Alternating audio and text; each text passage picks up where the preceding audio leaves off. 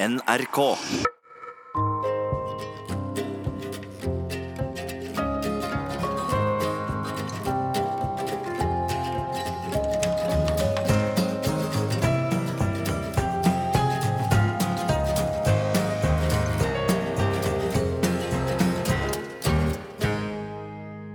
Våren for ni år siden befant jeg meg i et kloster i Jerusalem, dit jeg reiser hvert år så sant det er mulig.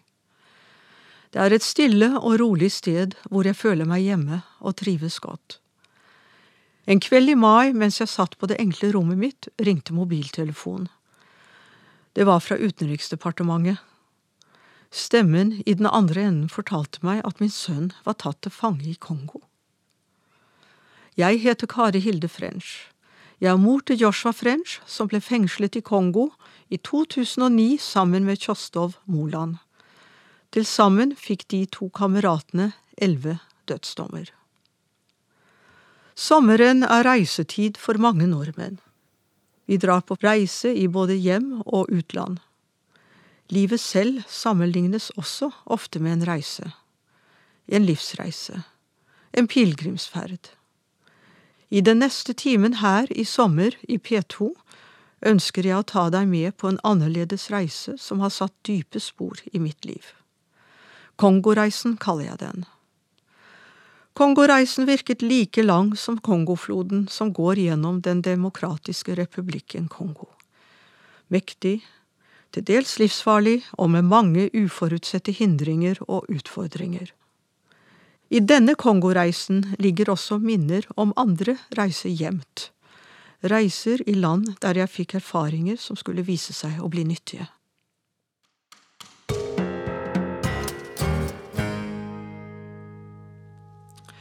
Jeg er hva man kaller en TCK, a third culture kid, det vil si et barn som vokser opp i en annen kultur enn den foreldrene kommer fra.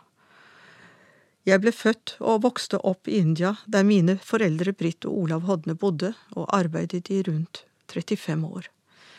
De drev et utstrakt sosialt arbeid for Indias blinde, for flyktninger og for hjemløse. De ga meg tidlig innsikt i de ulike livsforhold mennesker befinner seg i. Mine søsken og jeg vokste opp i et åpent og gjestfritt hjem. Vi lærte å omgås mennesker fra alle sosiale samfunnslag.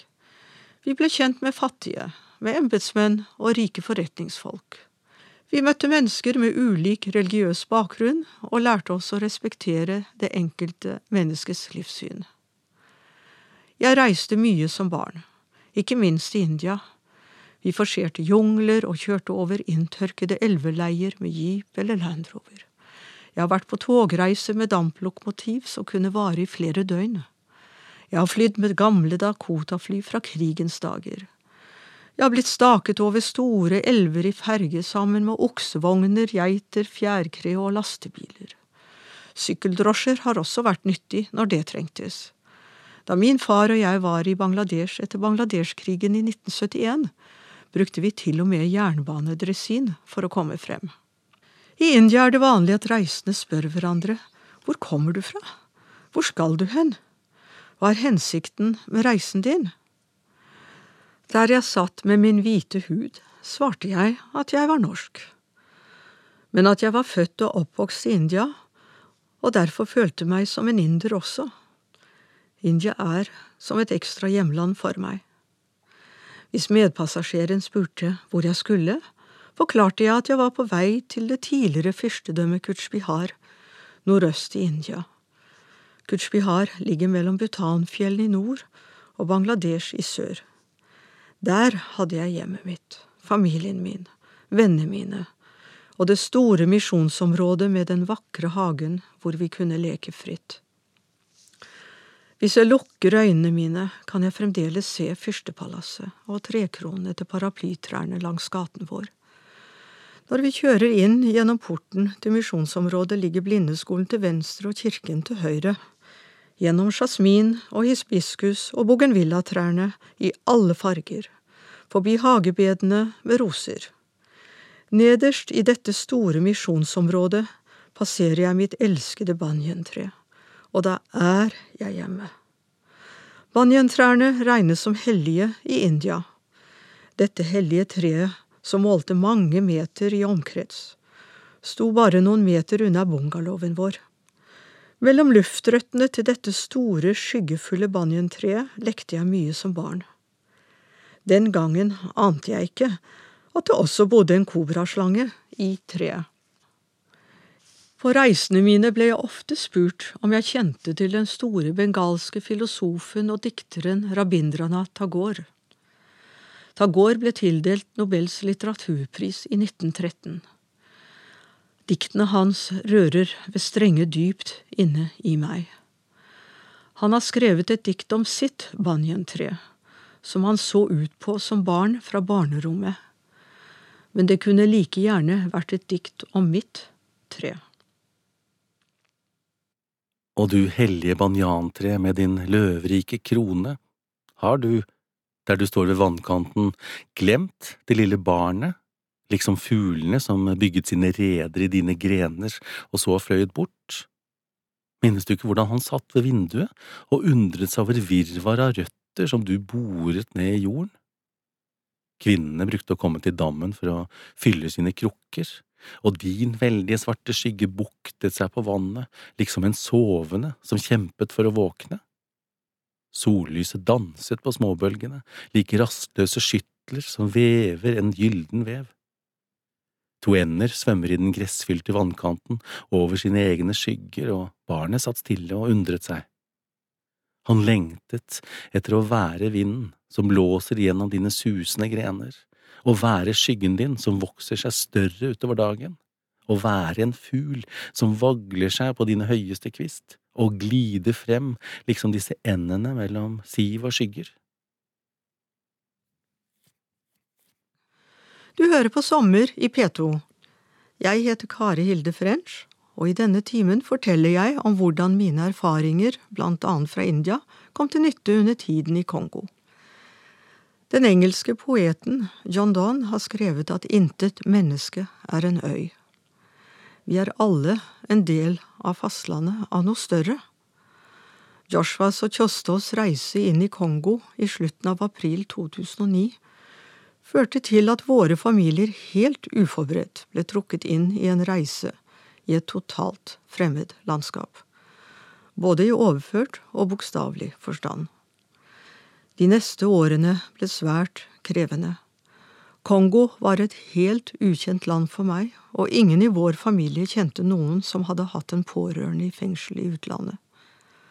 Spør du meg om hva reisemålet var, så er det lett å svare. Det var å få de to fangene fri, på en eller annen måte. Men når og hvordan vi skulle få dette til, var uklart for oss. De første årene ville ikke Joshua at jeg skulle komme på besøk. Han var redd for min sikkerhet og mente det var fare for utpressing.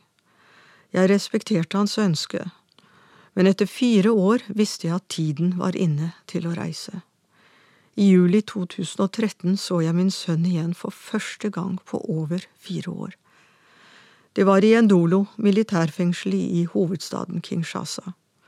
Vi møttes ute på en åpen plass der administrasjonsbyggene lå. Jeg husker ikke hva jeg tenkte, da jeg klemte om den unge mannen i fangeskjorten.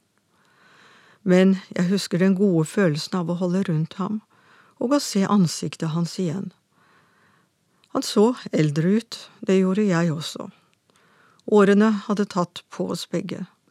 Jeg fant ikke noe banjantre i Kinshasa, men det fantes noen store baobabtrær som også gir svalende skygge til menneskebarna og ly til fuglene. Et slikt baobabtre sto i den lille luftegården i Endolo-fengselet. Skyggen fra dette treet var vel det eneste gode fangene som var stuet sammen her, opplevde. Fengsler i Kongo har ikke akkurat samme standard som i Norge. Hete, sykdom, død, epidemier, trangboddhet, bråk, støy, slåssing og sult. Alt dette var en del av fengselshverdagen, men det verste var den manglende rettssikkerheten. Noen av fangene visste ikke engang hvorfor de satt i fengsel. En fange jeg møtte, ble informert 22 ganger om at saken hans ville komme opp for retten uten at noe skjedde. Han satt fengslet i flere år, før han til slutt ble løslatt. Jeg ble etter hvert kjent med flere av Joshuas medfanger, og fikk et hjerte for dem. En av disse var en barnesoldat. Han var blitt kidnappet som åtteåring av en militsgruppe i den østre delen av Kongo, hvor det stadig er militære konflikter. Nå var han 16 år og fange på en annen måte. En bale var kortvokst. Nærmeste familie var døde. Han søkte seg til meg, for da visste han at han fikk en klem. En medfange ville lære ham å lese og skrive, og jeg skaffet veie skolesakene som trengtes. Men det gikk nokså sakte med læringen. En bale hadde nok sett og opplevd for mange grusomme ting til å klare å ta til seg så mye av boklig lærdom. Den tidligere barnesoldaten fikk gå fritt rundt i fengselet, og jeg så ham bære på små barn som bodde med mødrene sine på kvinneavdelingen. Han hjalp også til på sykestuen og på et utekjøkken, hvor Røde Kors fraktet inn mais og kassavamel og bønner. Her ble det laget et måltid per dag for fange som ikke hadde noen pårørende som kunne hjelpe dem. En bale klagde til meg over maten, han fikk mageproblemer av dem, og han ble strålende glad hvis jeg hadde noe til overs av matvarer Joshua ikke trengte. Et av de store problemene Joshua Tjostov opplevde under soningen, var mangel på plass. Støyen i fengselet var høy til nesten alle døgnets tider, og de lengtet etter stillhet. Kongolesere flest har stor toleranse for sosial støy, og TV-er og radio står ofte veldig høyt på. Selv bodde jeg i et kongolesisk gjestehus en lang stund, og det var slitsomt. Det var stadig mangel på vann og strøm. Den evige musikken fra barene rundt omkring, fra sen ettermiddag til langt på natt, var en plage. Jeg har et ambivalent forhold til kongolesisk musikk, men den er også en del av kongoreisen min. Jeg har derfor valgt musikk av en folkekjær artist i Kongo, Papa Wemba, som døde mens jeg var i Kinshasa. Han var så populær at han fikk en statsbegravelse. Her med en kongolesisk rumba, Abopia.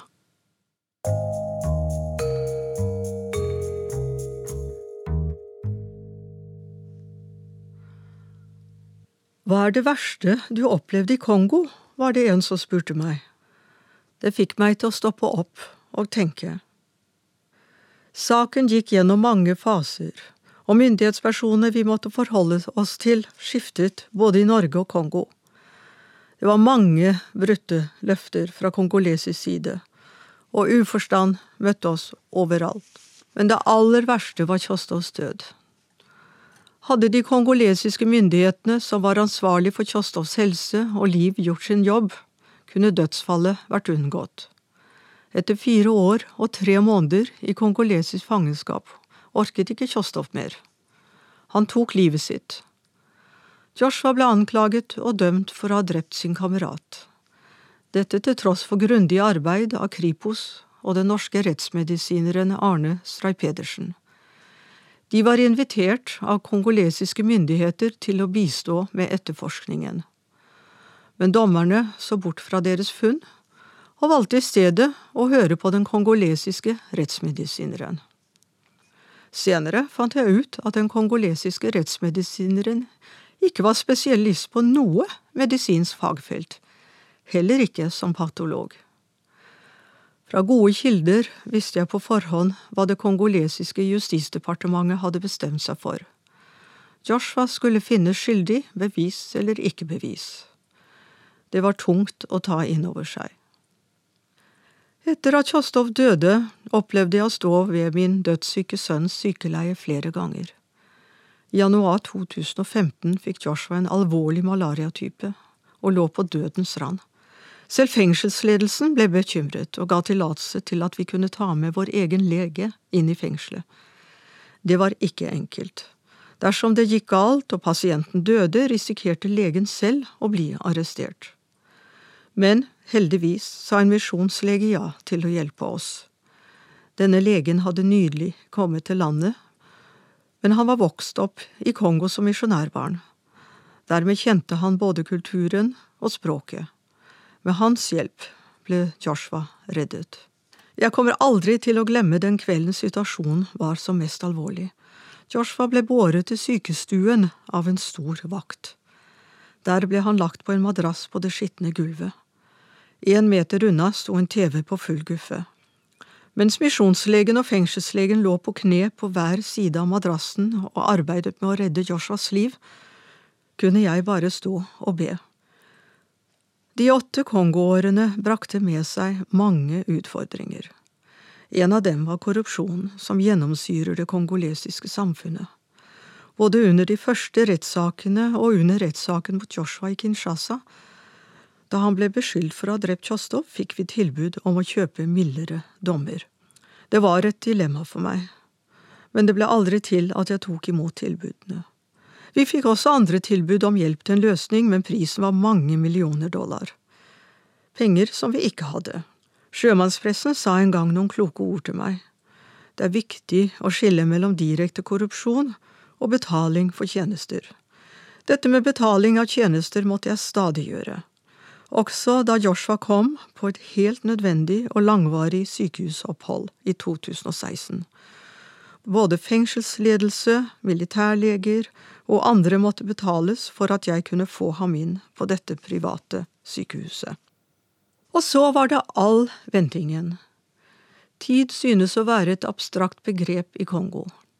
Et afrikansk ordspråk sier tiden går ikke, den kommer. For oss i Norge som sliter med tidsklemma, kan dette høres romantisk ut. Men mens man venter på denne tiden som skal komme, lider folk helt unødvendig i land som Kongo.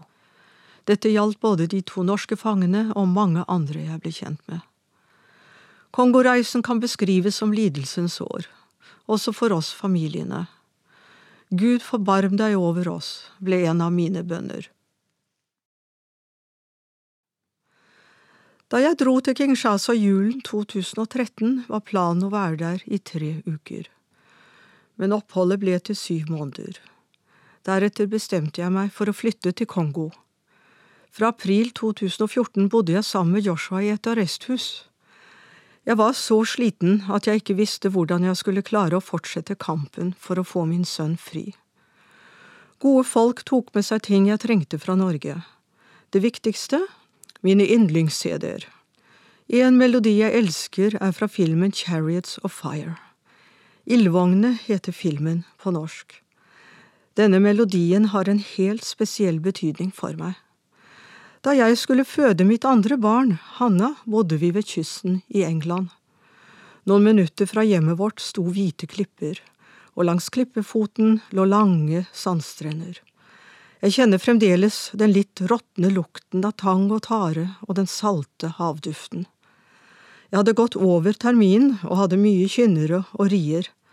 En klar høstdag tok min gode nabo meg med på stranda. Ta deg en løpetur, mens jeg passer på Joshua, sa hun.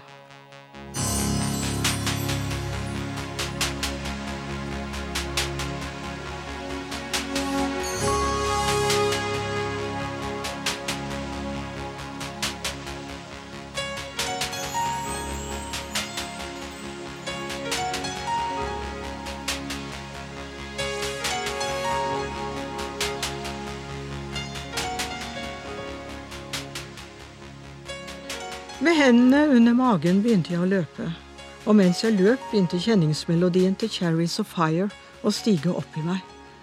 Filmen viser noen unge menn løpende langs stranden. De trener for de olympiske leker i 1924. De løper langs den samme stranden og de samme klippene bare noen kilometer lenger ned kysten der vi bodde. Melodien ga meg fødeglede og fødekraft. Hanna lå i mine armer neste morgen. Både nå, i arresthuset og senere i Kongo, trengte jeg å høre denne melodien. Når denne livsgaven av fødeløpingsmelodien begynte å stige opp i meg, ga den meg kraft til å løpe videre. Til ikke å gi opp, til å holde målet for øye, til å stå på med mine møter med kongolesiske myndigheter, til å fortsette å bygge opp mitt kontaktnett, og til å forbli i dette kaotiske landet som krevde så mye av meg og mine. Jeg oppdaget også at min erfaringsbakgrunn i mange forskjellige land, særlig fra Asia og Afrika, var en annen viktig livsgave jeg hadde fått med meg. Litt etter litt forsto jeg mer om hvordan jeg skulle navigere meg gjennom Kongoflodens kulturelle og sosiale stryk. Misjonærer som hadde bodd årevis i landet, mange av dem selv misjonærbarn fra Kongo, ga meg råd. Gjennom hele Kongotiden arbeidet jeg systematisk for å bygge opp et nettverk både i og utenfor Kongo. Slik skaffet jeg meg kjennskap til dette store landet og fant kontakter som hjalp meg videre, slik at jeg etter hvert fikk møter ansikt til ansikt med kongolesiske myndighetspersoner. Jeg er sikker på at min tilstedeværelse hadde mye å si for sakens utgang. Det ble flaut for justisminister, utenriksminister og generaler å vite at den eldre, gråhårede moren besøkte fengselet hver dag. Og slik ble det umulig å glemme min sønn i Endolo militærfengsel. Som eldre mor ble jeg møtt med respekt og sympati. Kanskje forsto de også at jeg aldri kom til å forlate Kongo hvis ikke Joshua ble løslatt.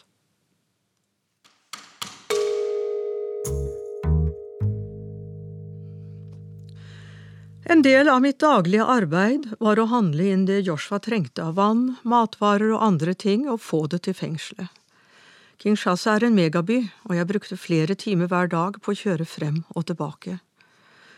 Trafikken på byens hovedfartsåre, Boulevarden, var til tider av en slik art at jeg måtte ha med meg en krimbok for å unngå nervesammenbrudd. Mens jeg fordypet meg i krimmen, navigerte sjåføren som best han kunne gjennom trafikken. Det fantes knapt en bil som ikke var bulkete, og jeg så flere stygge ulykker. Det hendte jeg lot tankene fare til tidligere tider, som for eksempel da jeg arbeidet som frivillig for en organisasjon i Afghanistan. Jeg mintes spesielt en gang jeg satt i en hestedrosje, og livet kjentes like stressløst ut som den bedagelige farten til hesten. Jeg var 22 år da jeg reiste til Afghanistan som volontør, og jeg ble betatt av landet og folket. Det ble en lærerik tid som fikk mye å bety for meg personlig. Jeg var der da kongedømmet ble styrtet og all følgende elendighet begynte. Flere av mine venner ble drept i dette landet, et land som er like mye stenket av blod som Kongo. Derfor kan jeg heller ikke glemme det. Det var også i Afghanistan, på en liten restaurant hvor vi som vanlig satt på tosjakker, en form for madrass eller store, lange puter, at jeg traff ham som ble min mann og far til mine to barn.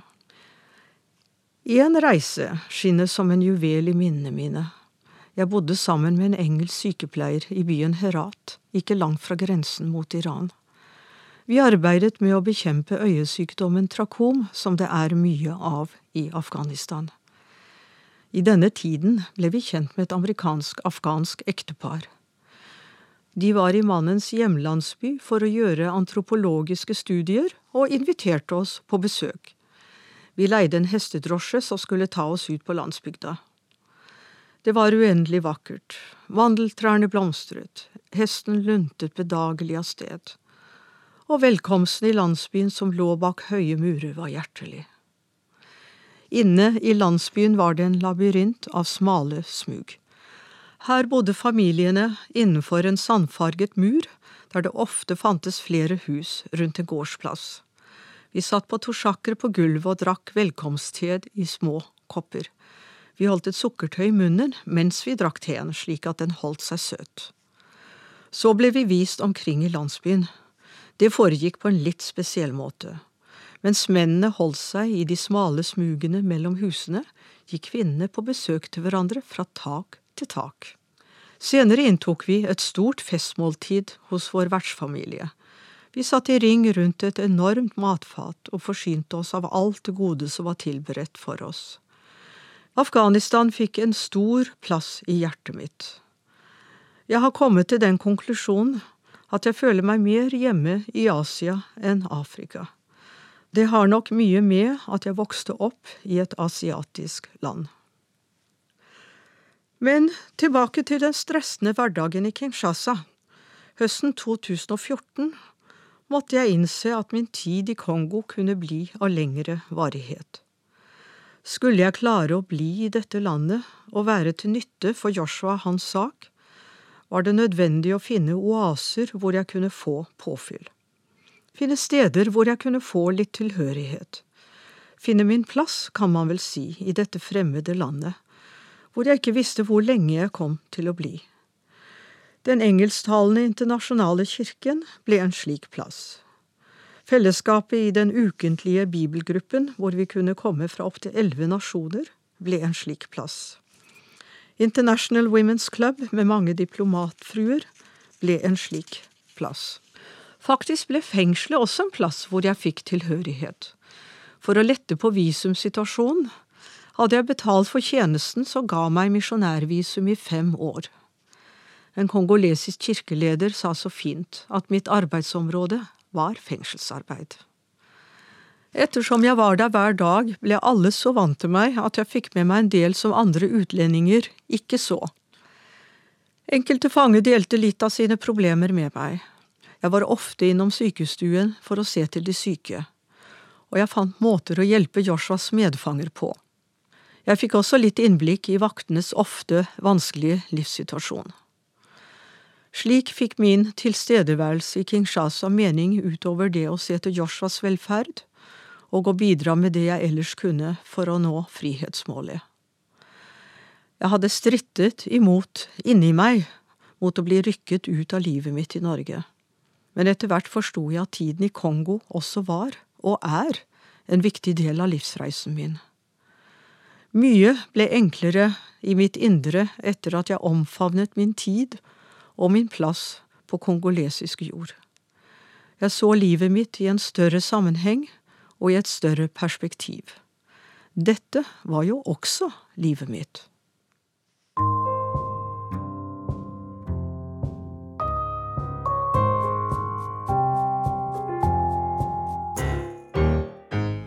Du hører på Sommer i P2, jeg heter Kari Hilde French. Årene i Kongo gikk, Vinteren og våren 2016 lå Joshua på sykehus. Jeg fikk en seng hvor jeg kunne hvile på dagtid i sykerommet, jeg var utslitt og fortvilet. Men likevel lå en spire av håp dypt i hjertet mitt. En dag i slutten av juni 2016 kom jeg til tomt sykerom. Fengselsledelsen hadde flyttet Joshua tilbake til Endolo fengsel uten å informere noen andre heller ikke det kongolesiske justisdepartementet. Jeg var ved et punkt hvor jeg lurte på om alt av dører nå var stengt, og om Joshua og jeg og familien hadde krefter lenger til å fortsette kampen for friheten. Men så åpnet det seg en ny overraskende dør. Sent om kvelden 4. juli 2016 fikk jeg en telefon fra ambassadør Arild Øyen, Utenriksdepartementets spesialutsending. Vi var innvilget audiens hos president Josef Kabila dagen etter. En audiens hos presidenten var det ikke lett å få. Et mirakel, sa Øyen til meg. Hva skal jeg ha på meg, tenkte jeg, typisk kvinne. Jeg valgte en indisk sari som jeg hadde liggende i kofferten i tilfelle en helt spesiell anledning skulle by seg. Nå var anledningen kommet. Det ble et svært nyttig møte. Presidenten fortalte at han hadde sagt nei flere ganger til en benådning, men han var villig til å se på saken igjen, og åpnet for at Joshua kunne overføres til Norge av helsemessige og humanitære grunner. Gleden var stor, likeså forhåpningene, men månedene gikk uten at noe skjedde. Det virket som om den kongolesiske justisministeren trenerte overføringen. I denne perioden var ofte musikk en hjelp for meg glade toner, tone som uttrykte min fortvilelse, tone som støttet og holdt meg oppe. Jeg har alltid vært glad i salmer, både norske og engelske. En av de mange engelske salmene som trøstet meg, var Be still, my soul, the Lord is on your side.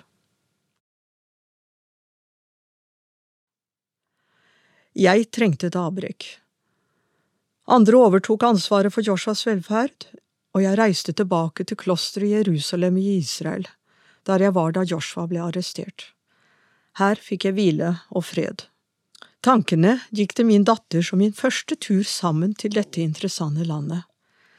Hanna hadde fått en lærlingeplass på et protesemakerverksted i 2002, og vi bodde i Jerusalem ett skoleår. Våren 2003 meldte vi oss på en tur til Katarina-klosteret i Sinai. Det regnes som kristenhetens eldste kloster. De fleste i reisefølget var professorer, og så var det 18-årige Hanna og meg. Denne turen til klosteret i Egypt er den flotteste turen jeg noen gang har hatt. Reisen gikk gjennom ørkenen med sanddyner som lignet bølger, og i to netter lå vi i soveposer under åpen himmel. Jeg tullet hodet inn i et skaut, for ørkenvinden var kald. Det kjentes ut som en helligbrøde å sove. Det var for vakkert. En stor opplevelse jeg bare kan beskrive som hellig. Fordi vi hadde så mange professorer i følget vårt, ble en munk vår personlige guide, og vi fikk se deler av klosteret som turister vanligvis ikke får besøke. For en bokelsker som meg var det største øyeblikket å være i det gamle biblioteket som besøkende sjelden kommer inn i. Å, så lykkelig jeg var da vi sto der i det gamle biblioteket. Og å vite at en av verdens mest verdifulle bibelhåndskrifter, Codes Sinaiticus, ble funnet her på Sant Katarina-klosteret. Mens det ennå var mørkt, red vi på kameler opp mellom fjellene til Sinai-berget. På en bergpynt leste en av professorene De ti bud mens vi betraktet soloppgangen. Våren 14 år senere var jeg på nytt i Jerusalem.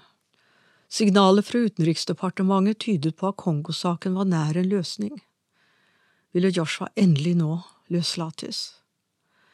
Den 16. mai ble jeg informert om at det pågikk et viktig møte i Kinshasa. Noen timer senere kom en telefon fra utenriksminister Børge Brende. Dekretet som løslot Joshua, var underskrevet av den kongolesiske justisministeren. Planen var å fly Joshua ut samme dag. Et fly fra Norge sto allerede klart på flyplassen i Kampala i Uganda og så fort landingstillatelsen var på plass, ville flyet hente Joshua i Kongo. Statsminister Erna Solberg ville ringe meg hvis planen lyktes. Nå var det bare å vente. I Jerusalem ble det natt. Jeg befant meg på nøyaktig samme rom som da jeg hadde fått en uvirkelig telefon om Joshuas arrestasjon åtte år tidligere. Nå lå jeg på sengen med to fulladede mobiler og ventet. Og da Erna Solberg ringte, var det med en vidunderlig god nyhet. Flyet hadde lettet for Norge. Igjen fikk jeg en følelse av uvirkelighet. Kunne det virkelig være sant? Det var sant. Flyet hadde lettet for Norge med Joshua om bord. På selveste 17. mai landet flyet med Joshua på Gardermoen. Kongoreisen var over, vi var fremme. En flodbølge hadde kommet fra Gledens hav denne gangen og fraktet Joshua over til frihetens land, til tross for motstand fra mange i Kongo. Og med nok et dikt av Rabindranath Tagore sier jeg takk for følget og ønsker mine lyttere en fortsatt god sommer. En flodbølge kom i dag fra Gledens hav. Ta i, alle sammen, ta kraftig i. Smertens båt, lastet med mange byrder, skal fraktes over. Vilje setter vi livet inn og trosser faren. En flodbølge kom i dag fra gledens hav. Hvem roper oss tilbake med redde ord, snakker om ferdens risiko og skremmer oss selv? Spenn bare seilene fast, med sang drar vi ut. En flodbølge kom i dag fra gledens hav.